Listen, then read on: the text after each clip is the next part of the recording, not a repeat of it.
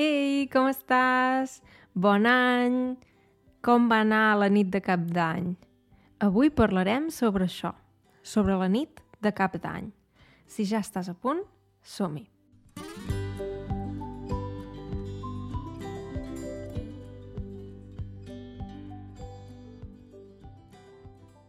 Aquest és el primer episodi de l'any 2023.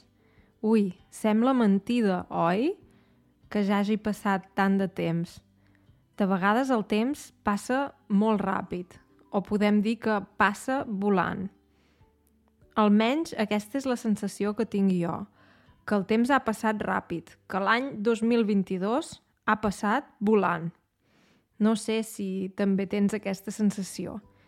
I se'm fa estrany ara quan escric, per exemple, alguna cosa, m'apunto alguna cosa i poso la data, poso dia 4 de gener del 2023.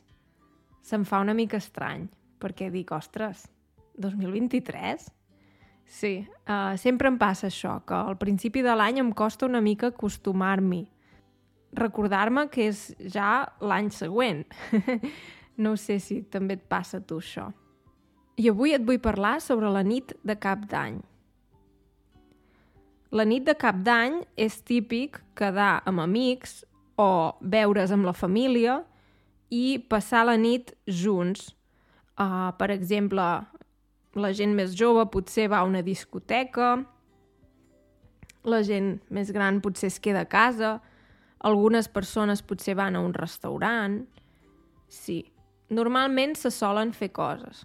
També és veritat que hi ha gent a qui no li agrada gens la nit de cap d'any? Per què? Què penses? Tu què en penses? Escriu-me un missatge a l'Instagram. Sé que hi ha gent que no li agrada la nit de cap d'any pels focs d'artifici, els focs artificials, perquè fan molt soroll. Bum, bum, bum, soroll.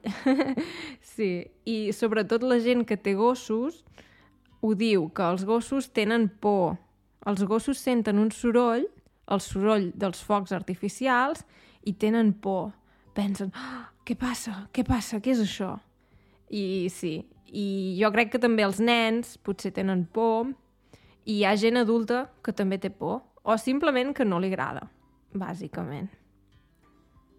Aquí a Alemanya la gent, de fet, sol comprar focs artificials i, per exemple, jo vaig estar a casa uns amics en un poble hi havia molts focs artificials, però no d'alguna entitat, sinó de gent particular que els havia comprat uh, petards i, i focs artificials i, i els feia servir.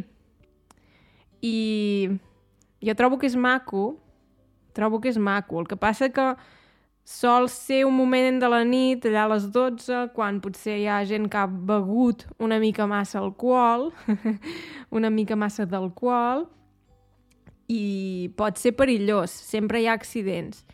És veritat que no hi ha tantíssims accidents, però sí que és veritat que pot ser perillós. A mi m'agrada veure els focs artificials, però no m'agrada encendre els petards. O sigui, ser jo qui els encengui, perquè sí que em fa una mica de por. sí. I llavors una cosa que se sol fer a Catalunya és que, bé, es fa de fet um, a tot l'estat espanyol, és que a les 12, quan, quan toquen les campanades, es mengen 12 grams de raïm. Raïm, és una fruita. I sempre és molt divertit. A cada país hi ha tradicions diferents i, per exemple, aquí a Alemanya la gent simplement brinda i uh, això, hi ha petards i, hi ha focs artificials a les 12. Què es fa normalment al lloc on vius tu? O, per exemple, al teu país d'origen?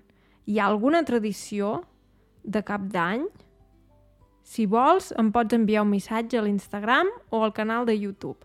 Això sempre m'agrada molt. Doncs res, espero que passessis una nit de cap d'any molt maca, amb amics o amb família, i si no vas passar una bona nit de cap d'any, tampoc passa res. De vegades hi ha molta pressió perquè aquesta nit sigui màgica, sigui perfecta i realment De vegades és una nit com qualsevol altra i ja està, i no passa res. Si alguna vegada teniu la sort de ser a Barcelona, la nit de cap d'any podeu anar a veure la Font Màgica. És un espectacle de llum, música i aigua molt interessant i molt bonic. No només el fan per cap d'any, també el fan en altres ocasions, per exemple, durant moltes nits d'estiu. O sigui que si mai vas a Barcelona, no t'ho perdis. Espero que t'hagi agradat aquest episodi i res, si t'ha agradat, vine al YouTube i deixa'm un missatge, que això sempre em fa molta gràcia. Espero veure-t'hi. Que vagi bé, fins aviat. Adeu!